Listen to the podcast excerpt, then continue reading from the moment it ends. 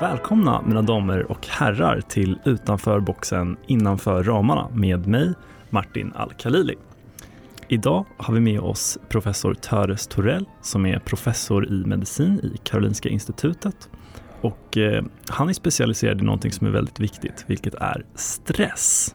Eh, och eh, det kommer vara det huvudsakliga området som vi pratar om idag. Men ni som känner till den här podden vet att eh, jag har en tendens att eh, gå utanför boxen helt enkelt. Så vi ska göra det. Välkommen! Tack! Ja, mitt ämne eh, heter faktiskt psykosocial medicin. Så, och där är naturligtvis stress en väldigt viktig del. Men det är inte bara stress vi har hållit på med. Utan vi har hållit på med eh, ska vi säga, allt som har med stress att göra. Och eh, under mina år eh, på institutet så eh, eh, betonade vi väldigt mycket att man glömmer bort att titta på den miljö som människor har runt omkring sig. Och då pratar jag även om den psykosociala miljön. Och det har varit väldigt mycket så att folk har skyllt stressproblem på sig själva. Att de gör fel. Och det är naturligtvis så att, att, att en del av stressproblematiken ligger hos individen själv. Men en väldigt stor del ligger ju också runt omkring. Mm. I den miljö som har skapats runt omkring individen. Mm. Och eh, det är jätteintressant för man hör ju oftast eh, ja, vissa individer säger jag är mer stresstålig. Eller eh, någon som kanske känner sig stressad och, och, så hör man någon annan säga men det där är, det ligger i huvudet. Det är ditt ansvar att kunna hantera den här stressen. Ja, det är klart att det också ligger något i det. Det är klart att människor är olika känsliga för stress. Men eh, det är ju inte hela förklaringen då förstås. Eh, man kan bara ta exemplet att om man har en kontorsarbetsplats där vi har eh, ja, 50 personer så eh, är några av dem eh, suveräna på att hantera överbelastning och problem. Och andra är mindre bra på det. Och det som kommer att hända om det blir en lång period med överbelastning som de anställda inte kan Eh, påverka någonting av. Eh, då blir det de här stresskänsliga som kanske trillar dit först. Eh, och sen dröjer det lite längre men till slut drabbas ju även de som är bra på att hantera stress. Så att det är bara liksom en tidfråga. Och det är fråga om statistik om man tittar på grupper. Att eh, resultatet av en långvarig organisatorisk dysfunktion eh, den kommer att eh, eh resultera i eh, stress i alla organisationer. Men några kan drabbas snabbare. Eh, Och om det är väldigt många som inte är så bra på att hantera situationen och på andra ställen tar det längre tid. Och, och när det kommer till att olika individer är olika känsliga till stress, handlar det om att vissa individer tål att deras nervsystem är mindre reaktivt till eh, kortisol och adrenalin? Eller vad, vad, är det som ger upphov till mm. den här mm. skillnaden? Liksom? Ja, jo alltså eh, det finns ju skillnader och en del av dem är ju genetiska. Eh, men en del har också att göra med uppväxt. Eh, och eh, man kan gå ett steg längre och säga att det handlar ju förstås också om vi har att göra med arbetstagare på en arbetsplats. Att en del har fått en väldigt bra start och arbetat på arbetsplatser där man eh, lagt upp arbetet på ett klokt sätt och eh, eh, de anställda har fått möjlighet att hantera de problem som uppkommer och de har fått stöd och hjälp och de kan utöva kontroll över situationen. då eh, så kommer de att bli bättre på att hantera stress när det kommer stressperioder. Eh, och då finns det idag också en väldigt spännande ny vetenskap som heter epigenetik. Och eh, det innebär i princip att eh, om en människa har gener som är väldigt känsliga för stress eh, så kan de här generna Eh, ändra sin svarsbenägenhet och man skapar en miljö som är väldigt trygg och väldigt bra. Och eh, man vet till och med en del om kemin bakom de här förändringarna. Så man vet att gener kan, som det heter, metyleras på kemispråk. Men det innebär att, man, att det fastnar en metylgrupp på en struktur. Och då kan, kan eh, den här känsligheten hos den genen förändras. Mm. Och det går alltså att både skruva upp och skruva ner känsligheten med eh, olika miljöinsatser. Man brukar prata om att till exempel ett barn som växer upp i en hotfull miljö där det ständigt eh, inträffar hemska saker. Det barnet blir väldigt bra på att mobilisera just stressreaktion. Så att det barnet genast hoppar undan när det händer någonting eller är beredd att slåss om det det det måste vara fråga om. Eh, men så finns det också miljöer som är lugna och eh, innehåller mycket bra stimuli.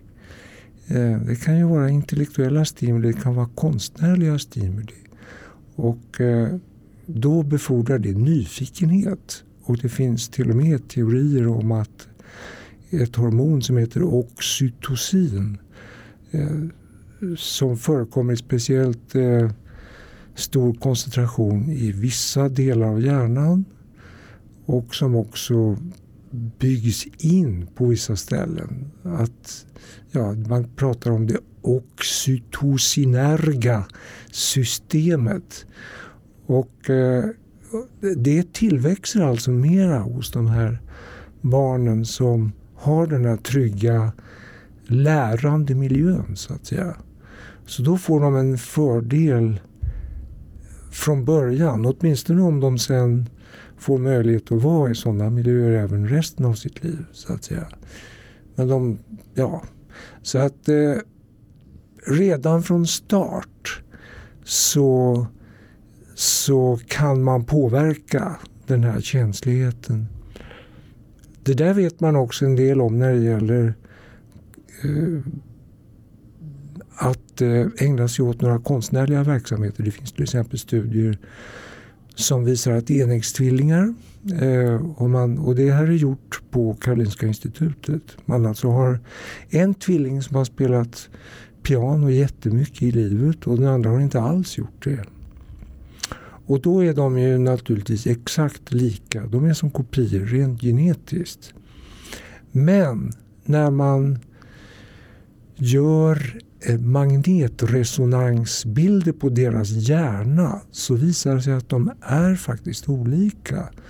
Och eh, det sannolika är ju då att den här ganska eh, uttalade musikutövningen kan ha haft stor betydelse. Och det är just sådana strukturer som har med pianospel och eh, musikaliska övningar att göra. Och det vet man också att, att det där är också specifikt på det sättet att om man tittar på eh, violinister som har startat tidigt då eh, när man spelar violin, som jag själv gör, då är det vänster hand som får göra det mest komplicerade jobbet. Och då är det också på höger sida eh, som strukturerna motsvarar, motsvarande vänstra handen som tillväxer. och stimuleras. Eh, för pianisten är det högerhand som gör det mest komplicerade jobbet och då är det istället på vänster sida. Och, men det är ju inte bara fingerfärdighet som musik handlar om utan det handlar också om känslor och hur känslor ska kopplas ihop med ljud. Och det finns speciella strukturer för det. Och det finns till och med en struktur som vi, kallas för, som vi kallar för hjärnbalken som är förbindelse mellan vänster och höger hjärnhalva. Corpus callosum på latin. Och eh, den har också tillvuxit mera hos den tvilling som spelat piano mycket i livet. Eh, och det där har betydelse därför att den gör inte bara att vänster och höger hjärnhalva samarbetar bättre när man ska spela. Det är ju viktigt. Utan det har också att göra med känslobearbetning. Så man vet sedan länge, sedan 80-talet minst, att eh, saknar man den här förbindelsestrukturen så är man en känsloidiot. Man kan alltså vara kognitivt begåvad, man kan vara bra på matte och språk och allt möjligt. Men man kan inte avläsa andras känslor och man är klumpig med sina egna känslor också. Och den strukturen tillväxer alltså hos den spelande tvillingen. Gud vad häftigt. Det här är alltså forskning som är ganska ny. Den här typen av forskning har väl funnits i världen eh, sen, ja, ska vi säga 20 år någonting. Men de här experimenten med tvillingarna de är gjorda i Sverige. Så det är en svensk forskare som har lett det. Eh, mm, han heter Fredrik Ullén och är själv pianist. Jag har samarbetat med honom en del så att eh, vi har skrivit lite om de här sakerna. och eh, Det är helt enkelt så att eh, stor musikutövning under livet har ett samband med förmåga att eh, förstå sig på känslor. Att eh, kunna särskilja känslor, att eh, sätta ord på känslor och att förmedla känslor. Kommunicera. Eh, men det är naturligtvis så att även till exempel eh, författarambitioner på motsvarande sätt eh, också, har också starkt samband med känslor. Så den som är en professionell poet eller romanförfattare är förmodligen en person som också är bra på känslor. Det borde ju vara så, och det är så också. Och eh, jag tycker det här är ett jätteintressant ämne och eh, är det då kopplat till den här epigenetiken? Att om du är en individ som eh, blir utsatt för musik, eh, instrument och den här eh, mediumet eh, genom att uttrycka dina känslor genom musik så att säga. Kommer det då att aktivera de generna som gör att du blir mer kopplad till dina känslor så att säga? Ja, det skrivs faktiskt en hel del i seriös biologisk vetenskap om sånt här. Och det, det verkar absolut att vara så till en del. Så det tycker jag ju själv är väldigt spännande också.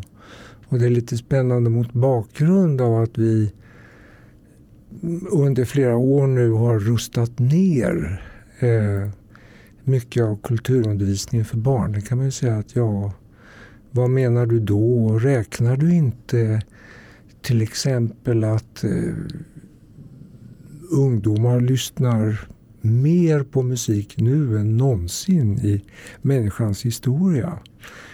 Eh, och räknar du inte att det finns DJs som är jätteduktiga på att blanda musikstycken och känna av vad som kan vara bra att mixa och så.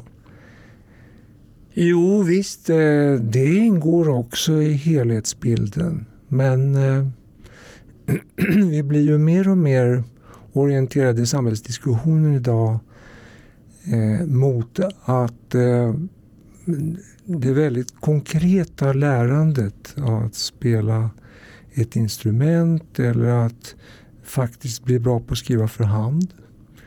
Det har någon slags betydelse för intellektets funktion och känslornas funktion som vi var inne på nyss. Så att eh, ja, det där är väl lite oklart hur det elektroniska och det Eh, så att säga praktiska eh, utövandet av musik, hur det relaterar till vartannat. Men eh, jag, jag, tror att eh, det här att tvingas eh, träna fingerfärdighet och det behöver inte vara musik. Då. Det kan ju vara allt möjligt annat också. Eh, det har betydelse.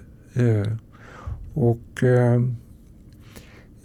det har betydelse inte bara för fingerfärdigheten själv och kanske, kanske också för intellektuell förmåga. Men jag brukar ofta säga att vi kanske överbetonar eh, det kognitiva på bekostnad av, av det emotionella. För att det är så att för att vi ska få bra samhälle så måste vi ha medborgare som begriper sig på varandras känslor och som kan uttrycka sina känslor på ett riktigt sätt.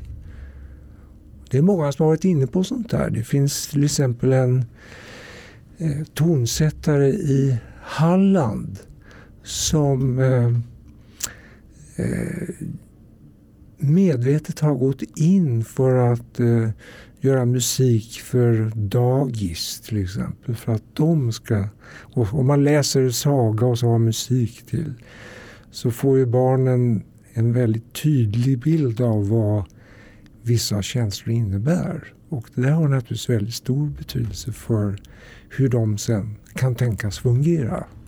Mm. Och jag tänker att du, du, noterar att det är så viktigt att vi har en, en kollektiv emotionell intelligens i samhället eh, för att vi alla ska kunna fungera. Ehm, känner du att vi håller på att liksom gå bort från det nu i, i det moderna samhället? Att vi eh, nu med liksom den här, som du säger, att vi värderar väldigt mycket den kognitiva, det intellektuella, eh, om, man, om man vill kalla det för det. Liksom. Upplever du att vi håller på att försvinna från det emotionella och vad ser du för nackdelar med det om det så är fallet? Ja, jo, du lägger ju nästan orden i min mun. det vill säga att eh, jo, jag tror absolut att eh, det är farligt att eh, glömma det eh, kulturella Eh, och jag tycker att det är en väldigt komplicerad debatt det här om eh, elektroniska medier och lyssnande och så. det har, eh, jag tror man kan säga att lyssnande på musik har också betydelse. Så att det är inte alls betydelselöst. Men eh, det jag har sett i forskning hittills är ändå att eh, det är mindre kraftfullt än att faktiskt spela själv. Eller att skriva dikter själv. Eller att faktiskt måla eller rita själv. Så att eh, om vi får en skola som allt mera tar bort allt det här onödiga tjafset med musik och sånt där som ändå inte behövs för överlevnad. Då är vi inne på väldigt farliga spår. Och den utvecklingen har gått snabbare än vad många är medvetna om. Jag var uppe och föreläste i Östersund för ett par år sedan om sådana här saker. Och då kom det fram en, eh, ja, som det kallas för, småskolelärare. Och hon sa att hon gick på småskoleseminarium någon gång på 60-talet. Och då fick man lära sig att varje lektion skulle börja med att barnen tillsammans sjöng en sång.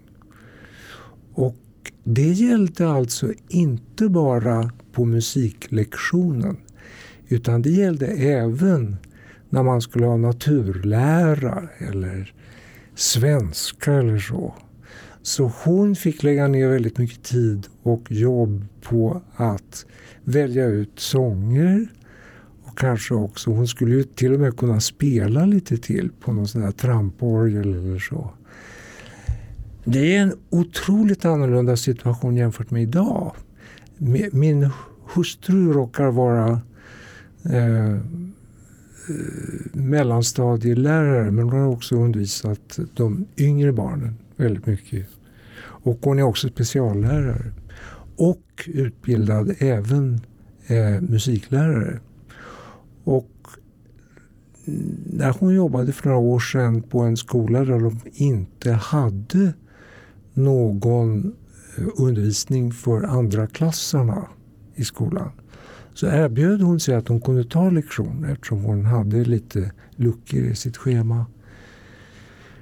Och eh, då visar det sig för det första så är det nog så att de har inte skyldighet att ordna musikundervisning just under andra klass. Och för det andra att deras lärare, de här, det var ju tre klasser, de lärarna var inte intresserade av att, att de skulle få hjälp på det viset. Så det, det är alltså ett, någonting, inte bara hos eleverna utan också hos lärarna, att man ser det som onödigt. Nu finns det projekt som har startat i det finns ett stort projekt i Danmark, och ett i, i Sverige och eh, det leds av Musikaliska akademin och det eh, sköts både från eh, Lund och Stockholm och lite andra ställen. Och där eh, undersöker man vad som ska hända om, om man återinför betoning på sång i skolan. Så det är, liksom, det är lite på gång att man börjar uppmärksamma det här. Men eh, det, är något, det här är något farligt för jag tror att vi kan få emotionella dvärgar om vi inte ser upp. Och bland annat har ju Sverige utmärkt sig genom att producera fruktansvärt mycket eh, sångstjärnor och så. Och om man nu dels tar bort mycket av undervisningen i skolan och dels skär ner, skär ner och skär ner på kulturskolan. Eh, vad blir det kvar? Liksom jag har en måg som eh, har varit lärare i många år i Kulturskolan i Stockholm. Och han beskriver det här att ja, det blir större och större grupper och, och kortare och kortare lektioner och så vidare. Och till slut så är det väldigt många föräldrar som tappar intresset och barn också för att delta i det där. För att det funkar ju inte. Mm, så det är farligt. Men egentligen är det ju stress vi ska prata om, var det inte det? Ja, precis, men det, det är relevant för att ja.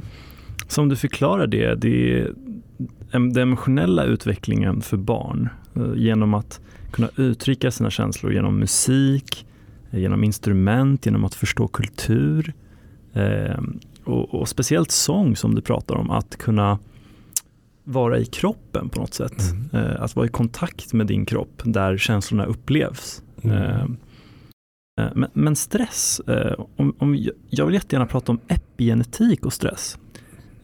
Jag har hört att många människor som kommer från, säg att du har föräldrar som kommer från otroligt stressfulla miljöer, eh, föräldrar som har varit i krig eller liknande. Eh, kan det vara så att barnen då, då eh, sen rent epigenetiskt har då gener eh, då, eh, för att de här stressfulla miljöerna som föräldrarna var i eh, aktiverade liksom. Eh, så, så, vissa DNA-metyl Mm. Eh, metylering. Metylering, ja. precis. Mm. Mm. Kan det vara så att barnen sen faktiskt visar symptom på stress som är ett resultat av föräldrarnas trauma? Ja, man har ingen aning om hur, hur mycket det här betyder. Men eh, en sak är i alla fall klar att det finns ju flera led i det som du pratar om.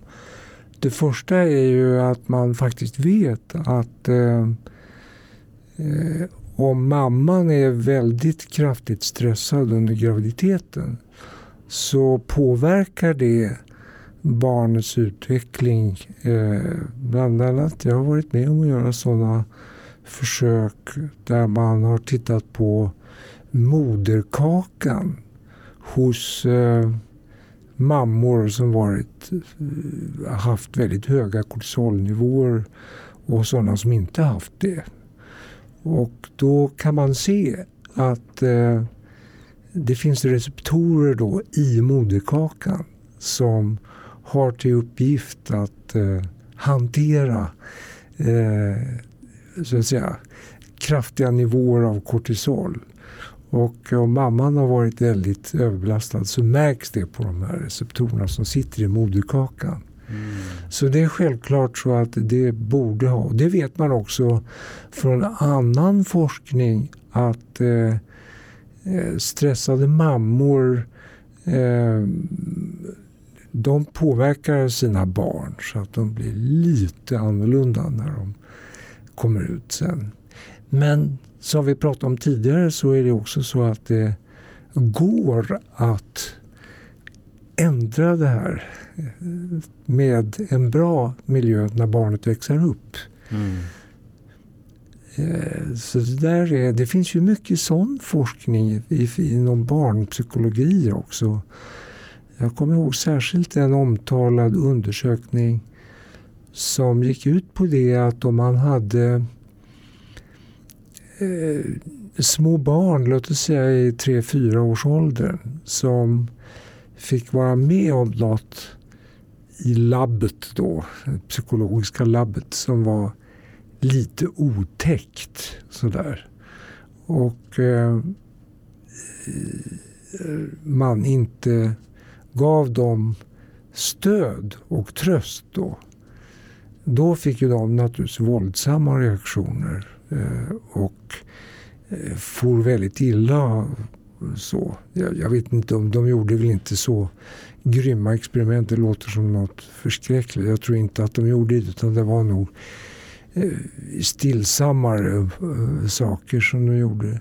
Men sen vet man om vi tittar på ett längre perspektiv att eh, mm, ja, det är ungefär så här då att barn som är nervösa när de är små om de får väldigt mycket stöd och man håller om dem så fort det är något farligt och så där, då visar det sig att de klarar sig bra i livet och de blir också omhändertagande och eh, engagerar sig och så.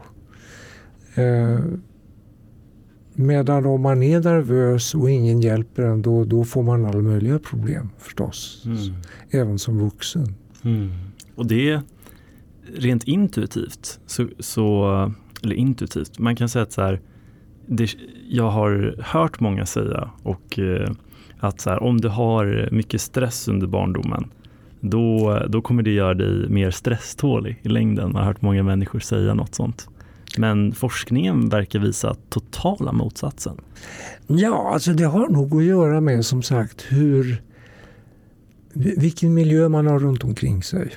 Mm. Om man får hjälp och stöd. Det finns otaliga historier om eh, barn som har haft svåra miljöer när de har vuxit upp. Men då har det kanske funnits någon fantastiskt stödjande människa som på något sätt har eh, räddat den här eh, barnungen.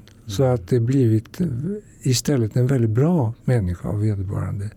Men, men det är klart att det, det dominerande mönstret är ju att mycket stress när man är liten, det resulterar i problem när man blir vuxen. Mm. Helt klart. Det är det vanligaste så att säga. Så det är alltså superviktigt att både barn och vuxna för den delen har människor omkring sig som hjälper en eh, som stöd när man har väldigt ja. stressfulla situationer i livet. Absolut. Jag tror man kan överföra det lite grann också på arbetslivet. För att eh, eh, man talar alldeles för lite om det här hur nyanställda tas om hand när de är första dagen på jobbet och första tiden på jobbet. För att det är ju självklart att om man slängs in i något jobb där det är jättemycket hemska saker man måste klara av och ingen hjälper en. Liksom.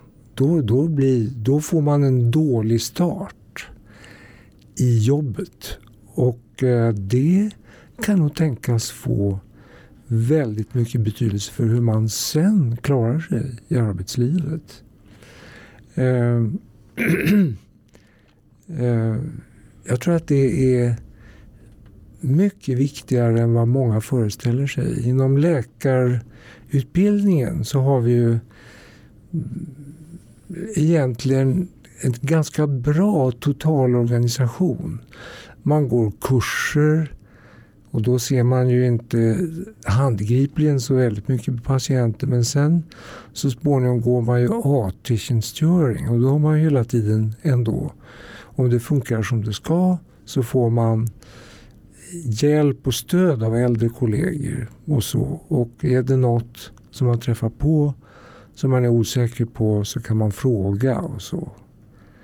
Eh, fungerar det där dåligt som det faktiskt händer att det gör också på, ute på sjukhusen, då är ju det en jättedålig start för den unga läkaren som ska socialiseras till sitt svåra jobb.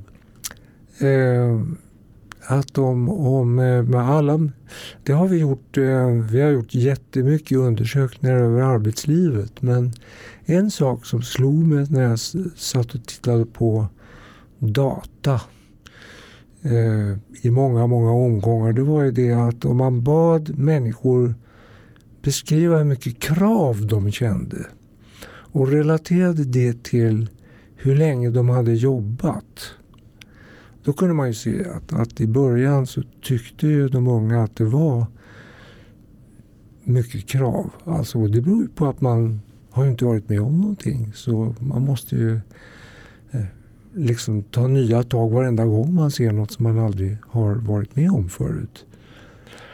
Men sen sjunker ju den upplevda kravnivån efter de första åren. Och eh,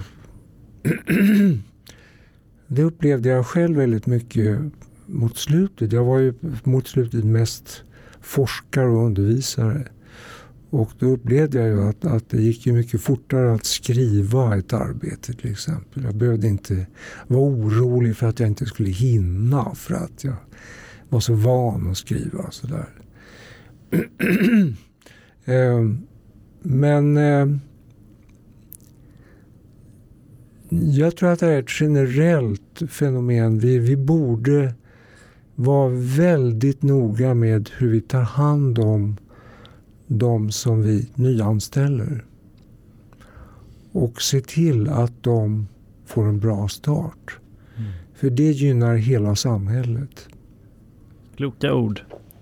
Jag, jag håller med dig. Ehm, det verkar vara så att allting som, all introduktion till vilket, eh, vilken arena som helst i livet måste eh, tas hand om varsamt. Ja, just det.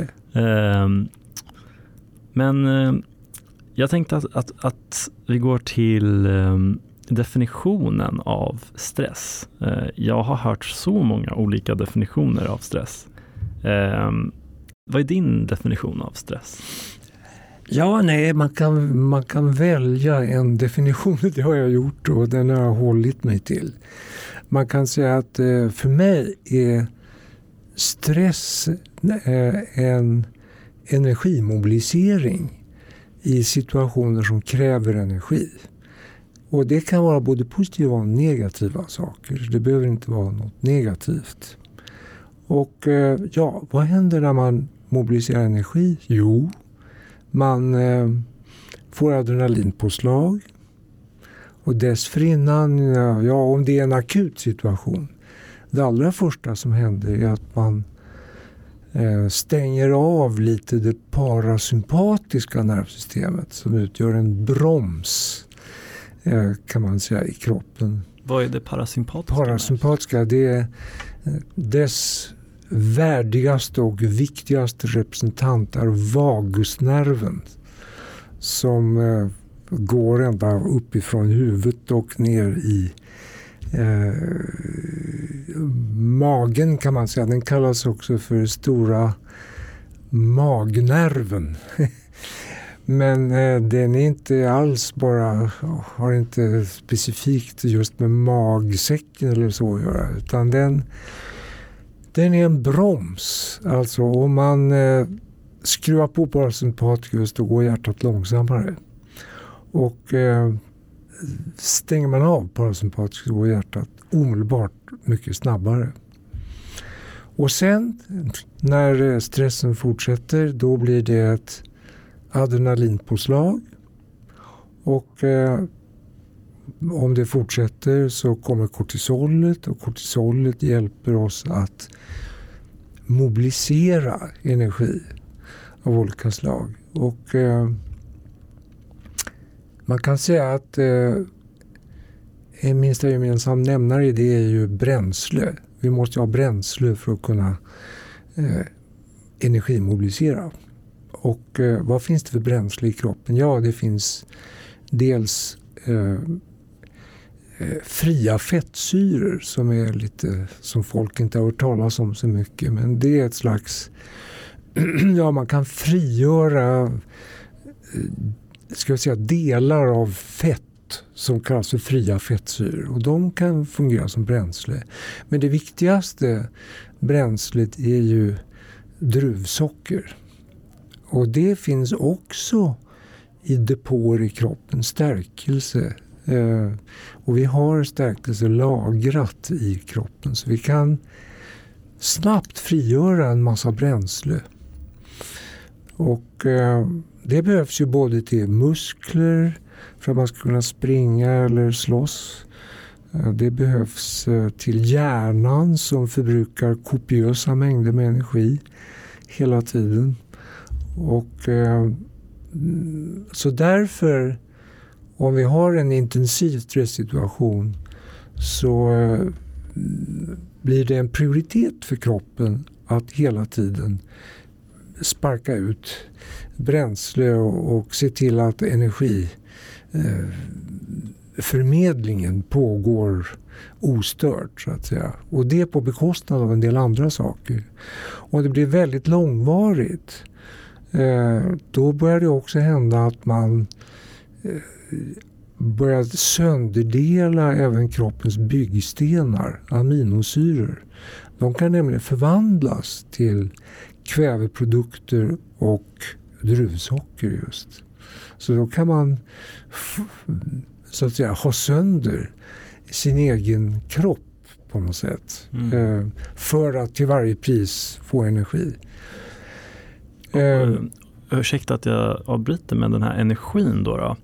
Är den, som du sa, att det är glukos, fria fettsyror och stärkelser. Mm. Hur kommer det sig kortisol och allt det här? Hur, är det en del av dem? Eller, och adrenalin och de här, liksom, uh, vad kallar man det för, neurokemikalierna. Vad mm. spelar de för roll i det hela?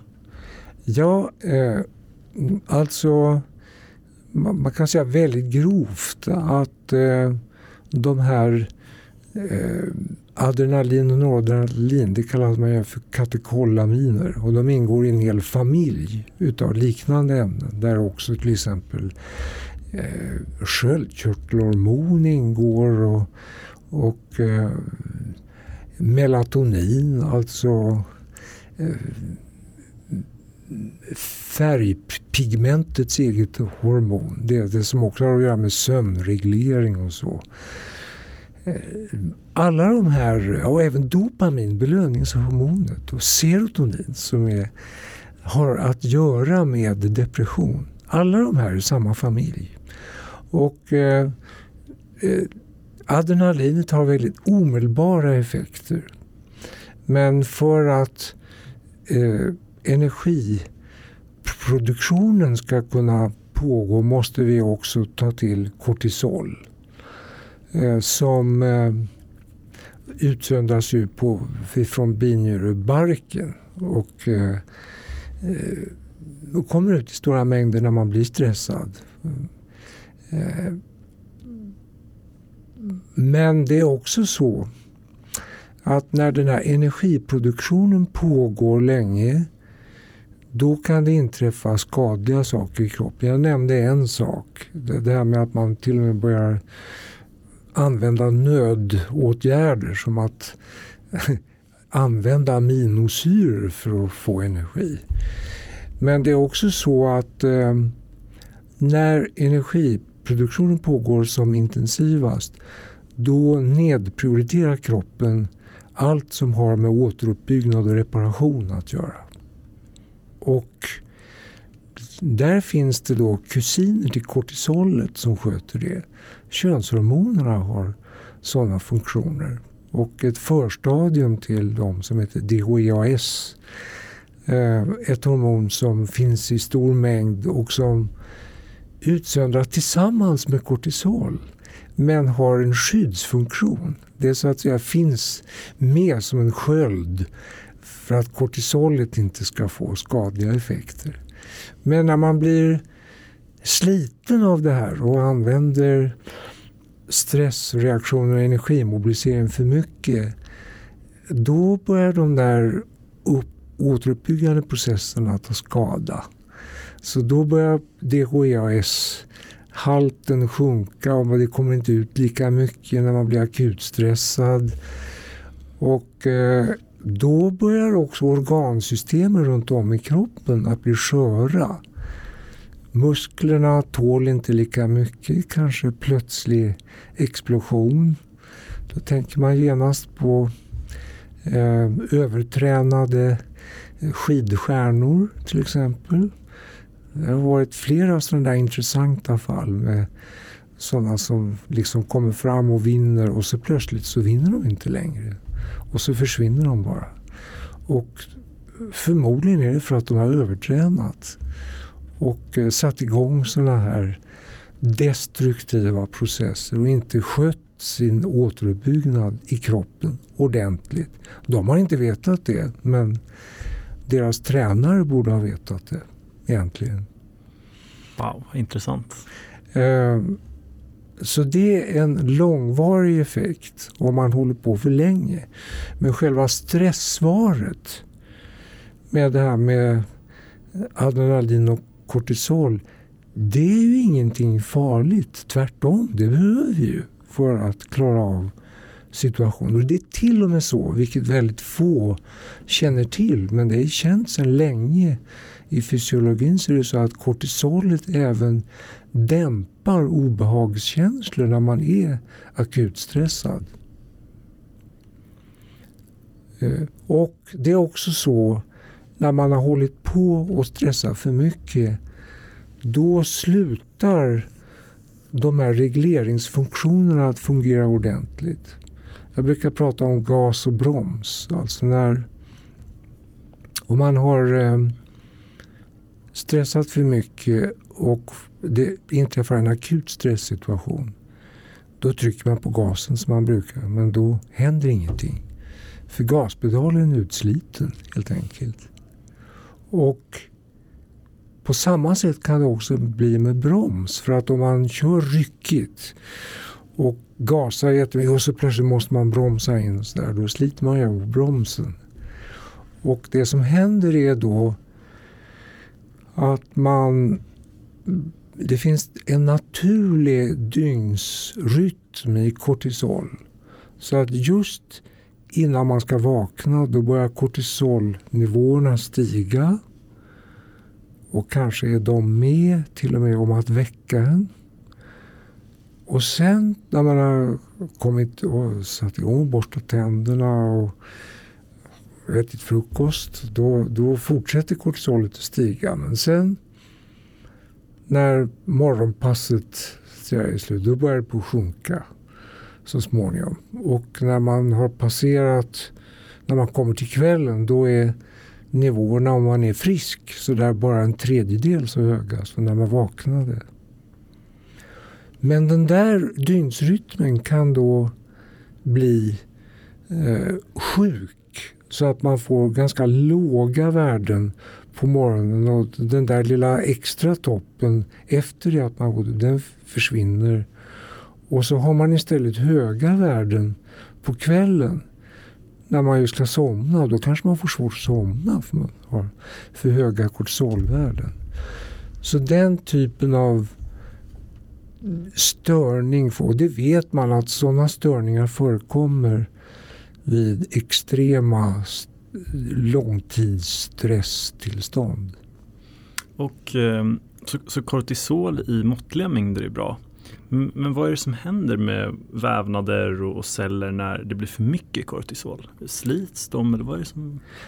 Ja, det viktigaste är nog det som vi pratade om att, att man inte ger äh, återhämtningen någon chans. Och en så enkel sak som att man ju måste sova ordentligt. Man måste ha sin dygnsvila. Eh, det är nämligen under djupsömnen som man reparerar och återställer allra mest. Och stör man den funktionen, då som sagt blir cellerna sköra. Vi var inne på det förut och då kanske immunsystemets celler inte eh, fungerar lika bra. De kanske dessutom till och med blir färre. Och eh, man får, ja det är ju ganska spekulativt men man kan tänka sig att det också är svårare att försvara sig mot cancer till exempel. Det här är lite omdiskuterat och så. Så att det, det finns de som anser det och de som inte anser det. Men eh, att eh, tillväxt av cancer kan ha att göra med försvarsmekanismer i kroppen, det är nog ganska klart ändå.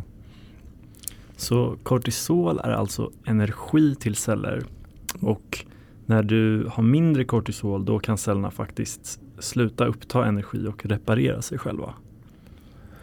Ja, det är ju inte kortisolet som är energin utan det är okay. sånt som kortisolet stimulerar ah, som åstadkommer det här. Men eh, det är ju lite ungefär som du säger i alla fall. Okej, okay. ja. bara så att jag ja. förstår det mm. rätt. ja.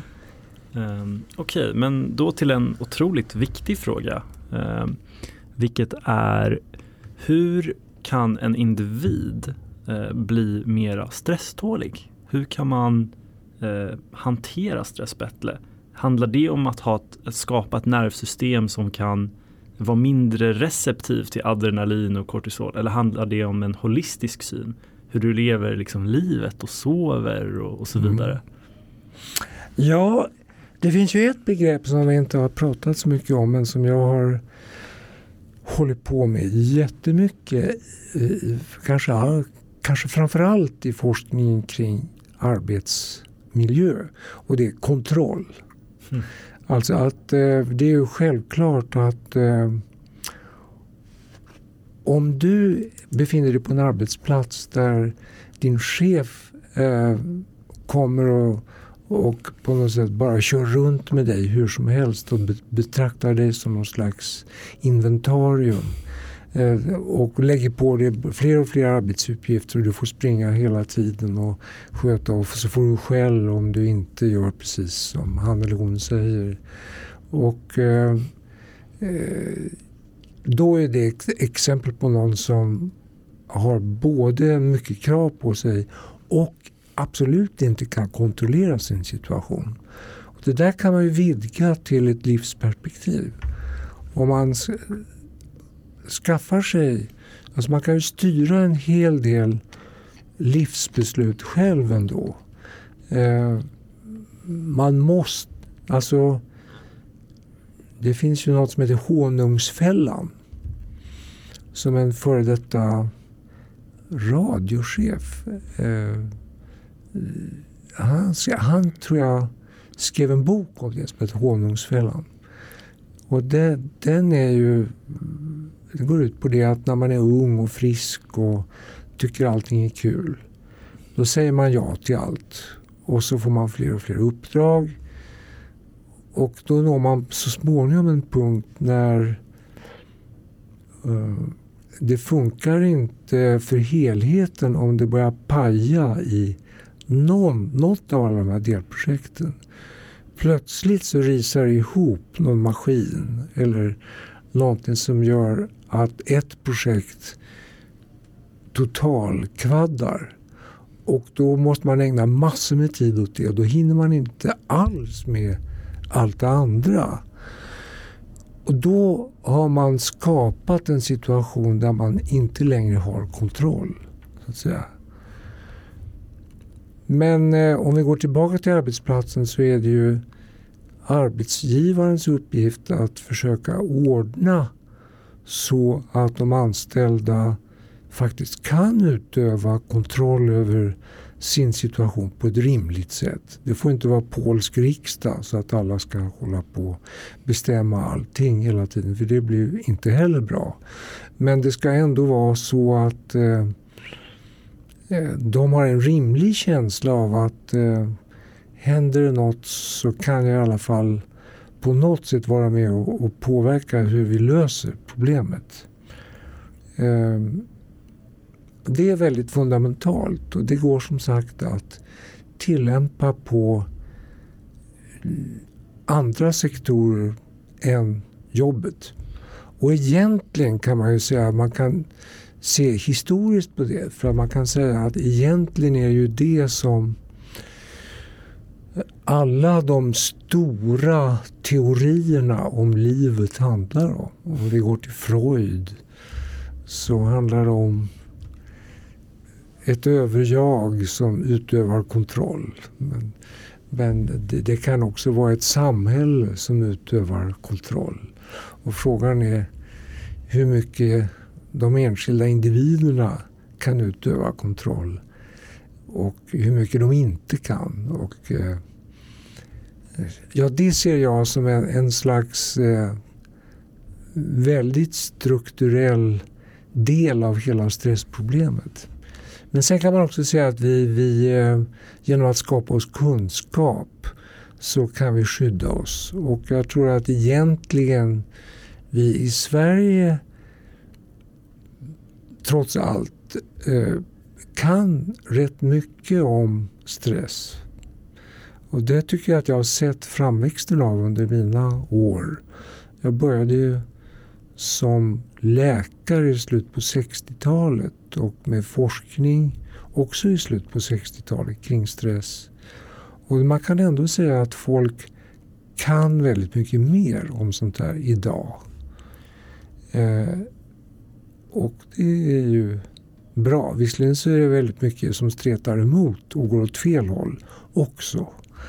Men eh, bland annat den här ständiga eh, känslan av att man måste rusa på och ha bråttom. Mm. Och, eh, eh, så vidare. Det är ju ett, ett tidsfenomen som man det, när man har längre perspektiv så ser man ju att det är så idag på ett sätt som yngre människor kanske inte kan se liksom, på samma sätt. Det, brukar aldrig, det kommer aldrig gå långsammare, säger vissa. Nej, just det. Nej, så kan det nog vara. Ja, just det. Men eh, ja, jag, jag gillar verkligen din syn på stress som den eh, individuella subjektiva uppfattningen av att jag har koll på läget. Eh, jag känner att jag vet att jag kan hantera uppgifter i vardagen. Att saker kan vara förutsägbart. Delvis mm. i mitt individuella liv och i samhället som jag lever i omkring mig. Ja. Och att om vi lyckas skapa, om du som person kan skapa ett individuellt liv där du känner att du har koll på dig själv och dina mål och eh, att du lyckas göra det du förväntar dig men också att du har en omgivning som är bra på att leva upp till de här förväntningarna så kommer eh, individer kollektivt och på personlig nivå att vara mindre stressade. Absolut, ja. Jo men eh, och ser på arbetsplatser så, så är det här ju det är ju ett budskap som nog sjunker in allt mer och mer. Att eh, jo men arbetsgivare och chefer vet att, att eh, upplevelsen av kontroll bland de anställda är någonting väldigt viktigt. Mm. Stöd, kontroll och rimlig, rimliga krav. Vi ska inte ha några arbete, arbetsplatser där man inte ställer krav. För att vi är konstruerade eh, för att klara av utmaningar och ha perioder av eh, högt varv. Men vi måste ha perioder som ligger emellan de här högvarvperioderna där vi återhämtar oss och eh, kan samla kraft och reparera oss så att säga. Och, och, det är superintressant för det verkar i så fall som att stress också är det är eh, på det sättet ett resultat av eh, våran liksom eh, hjärnans förmåga att sätta förväntningar. Det eh, det är liksom, hur ska jag säga, kanske metafysiskt eh, på det sättet att det uttrycker sig i tankevärlden eh, till att börja med men blir sen någonting som kroppen mm. reagerar på. Mm. Och att som du säger då att det är superviktigt att vi på individuell men också kollektiv nivå sätter rimliga krav som vi kan uppnå. Mm. Så att det inte och det är också intressant för då kan det vara så att vissa människor och det kanske inte du håller med mig om men sätter orimliga krav på sig själva. Att de blir stressade på det sättet. Jo absolut, det finns ju många som eh, eh så att säga, har vuxit upp med en orimlig eh, förväntansnivå så att säga. Som inte står i någon slags rimlig proportion till eh, vad den människan har chans att klara av. Så att säga. Så, det, så, så, så är det ju absolut. När du pratar om, om det, för du kopplar ihop eh, det här med individens upplevelse och eh, det kan vi se också på gruppnivå eh, på det sättet. Men att det finns väldigt många, det har slagit mig när jag pratat med ekonomer eh, till exempel, att jag är förvånad över hur omedvetna de ofta är i ekonomisk vetenskap om att eh, tankar och till exempel långvariga stressprocesser faktiskt också kan resultera i kroppslig sjukdom. Och det har jag ägnat mycket av mitt forskarliv åt. Hjärtinfarkt, eh, diabetes, stroke, eh, ja, muskulär, alltså muskuloskeletala sjukdomar. Eh, det är inte bara, alltså man, pratar, man, man pratar ofta om det, att det är mentala problem och folk blir deprimerade och trötta. Men det handlar inte alls bara om det. Det handlar om citat, riktiga sjukdomar också. Utveckla gärna på det när, när du menar uh, riktiga sjukdomar. Ja, alltså det är ett, ett sjukdomsbegrepp som jag absolut inte tar i min egen mun. Utan nu satte jag ju citattecken kring det. Eh, därför att eh, en djup depression är lika mycket en riktig sjukdom som en hjärtinfarkt. Men eh,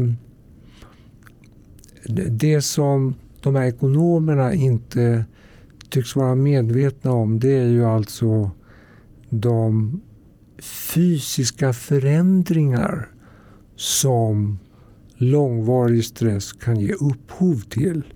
Och det där vet man idag väldigt mycket mer om än när jag började i slutet på 60-talet.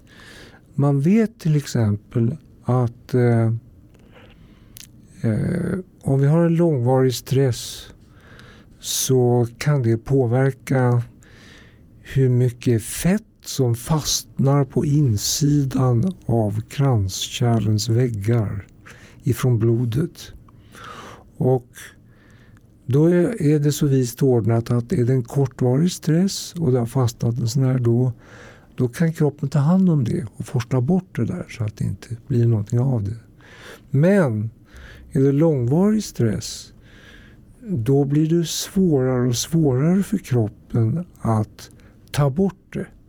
Och till slut så sitter den kvar som en stelnad liten knopp inne där. Och inträffar det där ofta då kan den stela grejen växa och bli större och till slut så kan det bildas en propp i det där. Det där är ju häpnadsväckande kunskap som man inte alls hade eh, som sagt i slutet på 60-talet när jag började. Och eh, de här ekonomerna som, som du nämner som inte förstår att stress faktiskt påverkar på fysiologisk nivå. Eh, vad har de för eh, relation till stress? Ser de det som någonting positivt eller vad var deras eh, förståelse av situationen? Eh, ja, alltså ofta, ja de kanske inte alltid är så insatta och alltså det är ju inte alls så att det är något generellt fenomen för att många arbetsgivare och chefer är ju väl pålästa och kan allt möjligt om sånt här. Så att det, men det finns ju ett slags önsketänkande bland chefer, arbetsgivare som är att eh, ja, folk ska väl jobba på och eh, eh, det är väl bra om de jobbar långa arbetstider för då blir det mera gjort. Då. Och eh, om de blir lite oroliga eller trötta, det är väl inte så farligt och så. Men eh, Eh, och som jag sa nyss, man kan mycket väl köra väldigt hårt under en kortare period. Men om man inte har återhämtning emellan då blir det förr eller senare komplikationer. Mm. Så egentligen om man vill från ett ekonomiskt perspektiv ha mer hållbar produktion, då ska man ha en, en väldigt liksom långsiktig stresshantering och se till att man inte hela tiden ja. kör på 100 procent. Ja, precis. Just det. Det måste vara en planering, en, en slags helhetsbild av vad man håller på med. Mm. Och då säger, då säger man ju alltid att ja men plötsligt uppstår det ju ekonomiska kriser och eh, vadå, då? Kan man väl inte hålla på och gulla med sånt där. Men, men då är, alltså det har jag ju också sånt som jag har sett i forskning och publicerat lite grann kring också. Att eh, ja, men eh, vi hade en sån här kris eh, omkring 2008 i Sverige.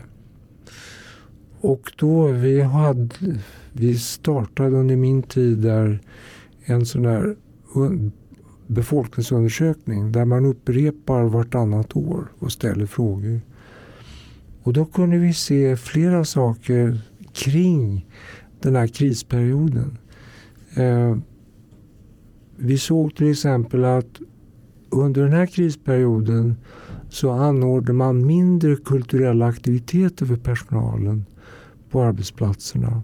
Och det är i sin tur något som har ett visst samband med att förhindra utmattningstillstånd.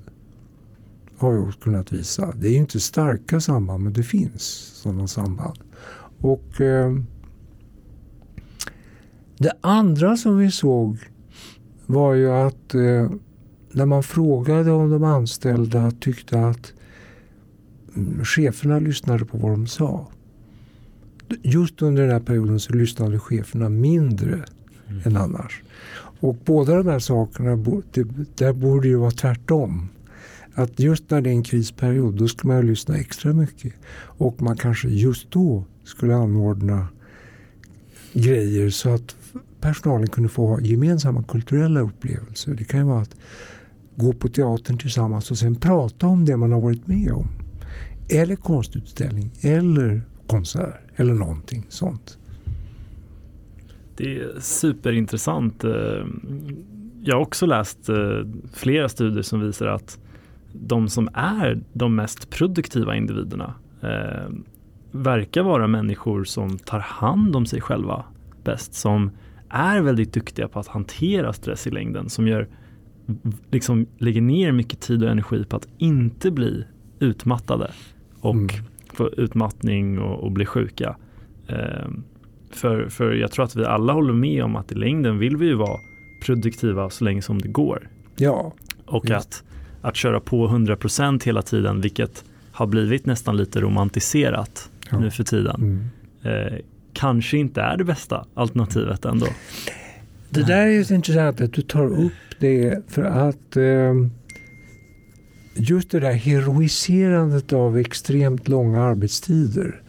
Eh, det är ju vanligare bland yngre människor förstås. Man orkar ju mera helt enkelt när man är ung. Eh, och vid något tillfälle så satt jag med i en sån här radiopanel där folk fick ringa in och kommentera. Och då var det en kille som ringde och sa ja men jag jobbar på en firma där vi eh, tycker att det är jätteball att jobba till sent på kvällen och vi gör det hela tiden. Eh, och då sa jag någonting som han nog inte hade väntat sig. Nämligen att ja, jo, men vi har studier som visar att om man jobbar på det viset då får man eh, sänkt testosteronproduktion. Och eh, eh, jag kan tänka mig att det var något som den här killen plötsligt fick sig en tankeställare av. Och jag tror att vi, när vi resonerar om sådana här saker så är vi väldigt inriktade på att prata om förtida död och eh, hemska sjukdomar och så. Men det här är ju ett argument som är mycket intressantare för en kille i 20-årsåldern eh, än om han någon gång i 70-årsåldern kanske förlorar två år framåt för att han stressar för mycket. Eh, här och nu och sexuell förmåga är betydligt intressantare i så fall. Verkligen. Förhoppningsvis så ändrade han sin eh, arbetsideal efter det. Ja, jag kan tänka mig. Jag har inte följt upp det, men det skulle vara intressant. Ja, vi kan ta kanske då ett eh, sista tips bara generellt. Vad, eh, vad tycker du till de som lyssnar att, att eh, som första handling som vi ska göra för att hantera stress bättre redan idag? Ja, eh, alltså vi Alltså det handlar ju om eh, som sagt både miljö och individ. Och som individ kan man ju stärka sig genom att öka sin kunskap och genom att eh, eh, fundera igenom vad livet egentligen ska handla om. Eh, och eh, man kan resonera med sin omgivning. För att det går ju sällan att göra eh, saker och ting helt själv. Man måste ha med sig folk på arbetsplatsen eller ha med sig familjen hemma och sådär.